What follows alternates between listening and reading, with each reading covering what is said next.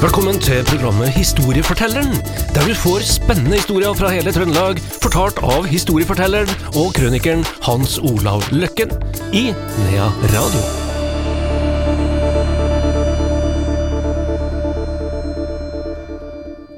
Her i Nea Radio er vi klar med et nytt program i serien Historiefortelleren. Velkommen tilbake, Hans Olav Løkken. Jo, takk. Det er du som kan historiene. Du har mange historier.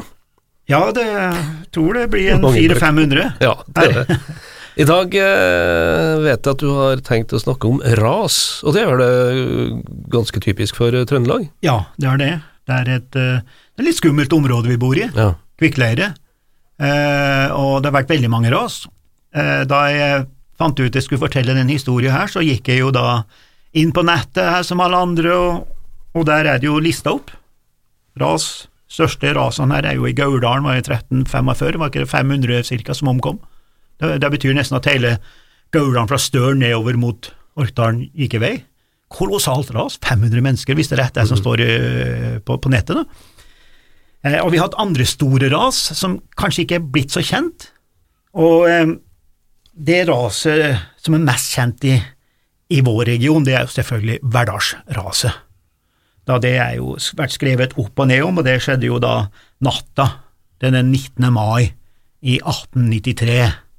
Et eh, kolossalt eh, ras, og der var det jo da 116 stykker som gikk i vei. Det var vel 112 i selve raset, så var det fire etterpå som, som omkom, da. Og det er jo meget kjent ras her. Og, eh, men et, et, et ras som gikk litt inn på meg, personlig, det var raset i Rissa. Vet ikke om du husker det her eh, slutten av april, det var 29. april da, i, i 1978. For da drev vi med noe sånn kursing, husker jeg, på Værnes. Ja, jeg jobber jo det eh, i, i lufttrafikktjenesten og sånn der, så, så vi ble på en måte litt involvert, for det var jo helikopter som dro utover, og, og det som er litt spesielt med raset i Rissa, det er vel at det var vel to personer, en som het Kjell Karlsen, var det vel, og en eh, Knut Singstad, som tilfeldigvis på hver sin, skal vi si vinkel, eller hver sin plass der ute, sto med smalfilmapparat i 78. Og det er visstnok det første gang i Norge at man har filma et ras, altså. I 78. Og det var et kolossalt ras. Det var jo fem-seks millioner med kubikkmeter, og jeg tror det var 330 mål. Og, og denne kanten etterpå tror jeg var 1,5 km. Og, og, og, og den, den filmen ligger helt sikkert ute på nettet, hvor du ser liksom en ras, for det går ikke så veldig fort, men det er jo enorme krefter. Og eh, eh, det var én person som omkom i det raset, da. Det var ei dame på 32 år. Eh, vi skal seinere i denne serien her, eller eh, da det kommer ut på våren, så skal vi ta for oss noen av våre nær, nærras her i, i, i, i, eh, Gauldalen og i, i Stjørdal og litt sånn. Så vi skal komme tilbake til, til, til rasene, da. Og det som noen har fortalt meg, er jo at det har noe med salt å gjøre. Altså, det er at hvis det regner veldig mye, la oss si at det regner i uke to, altså enormt med nedbør, så, og det jeg sier nå har jeg jo ikke noe vitenskapelig belegg for, for jeg kan jo ingenting om det, men jeg har lest meg opp, da, som det heter, på det her, at det er visstnok sånn at regnet på en måte kan skylle vekk noe av det saltsystemet i jordlaget som gjør at tar vekk noe av limet, og så begynner de her eh, massene å bevege seg som en kortstokk, ikke sant, som du kaster på bordet, og så, så, så, så begynner det å gli, da. Det er visst noe som skjedde, og det skjedde altså med det spesielle raset jeg skal fortelle om nå, da, her. Og det er et ras som skjedde da i 1863, altså til og med på Jonsokdagen i 1863. Da var det en godværssøndag, men det hadde regna ganske så mye de her dagene før. Nå var det jo en søndag, og på den tida så holdt man jo søndagene hellig. Man jobba ikke før i tida på søndag. Og han eh, Peder på eh, gården eh, Søstu, som er eh, i Lerongrenda, da, i Buvika, sø- sør av Trondheim her, han hadde jo tenkt å besøke en slektning og en granne, da, på andre sida av elva Vigda, oppi ei spesiell bygd der. Så han gikk nå ut og skulle bevege seg bort til Granden, og ute på ved tunet så lekte det tre unger. Totom var hans egne unger, en uh, sønn på elleve år, og den andre var åtte år. Den tredje som var med, var også åtte år, og han var da sønn av en uh, husmann, Ole Haagensen.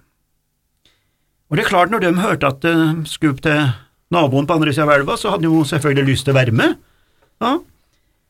Og da sier Peder at det er greit, det, det bare bli med en tur, søndag var det og sånn, og, og, eh, men ta med fiskestengene.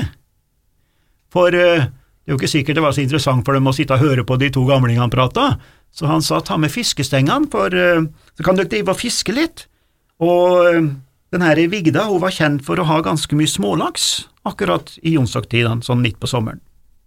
Jo da, de tomme fiskestengene, og de gikk nå nedover, og det var ikke noe bru den gangen, så, men det var et sånn typisk vadested, da. Noe, og de kunne vel øh, se at det var litt kom en del nedbør de siste dagene, det var vanskelig å komme seg over, da.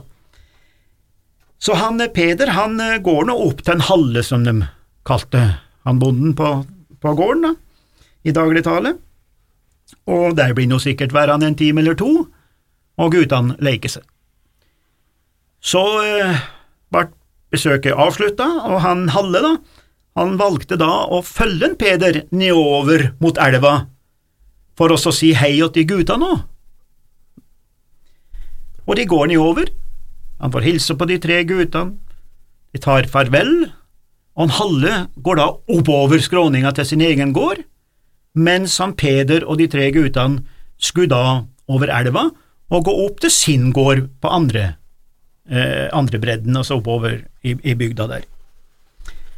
Og da han Halle var kommet litt opp, så hører han et forferdelig bulder. Og han snur seg og ser at det er et ras på andre sida av elva som kommer. Han ser en Peder og, og, og de tre ungene, og han roper alt han kan, men bråket fra elva og fra raset var så høyt at han fikk ikke gitt dem noe advarsel, han fikk ikke noe kontakt. Så der kommer det her raset og begraver Peder og alle tre ungene. Og det var så stort, og det er jo en sånn enorm tyngde, at hele elva ble flyttet i en kolossal sånn bue, en stor sving, som er der den dag i dag. Og de her eh, fire ofrene, de er der fortsatt. De ble altså ikke funnet, men fikk ei blaut grav der ved siden av Vigda. Det sa vår historieforteller Hans Olav Løkken.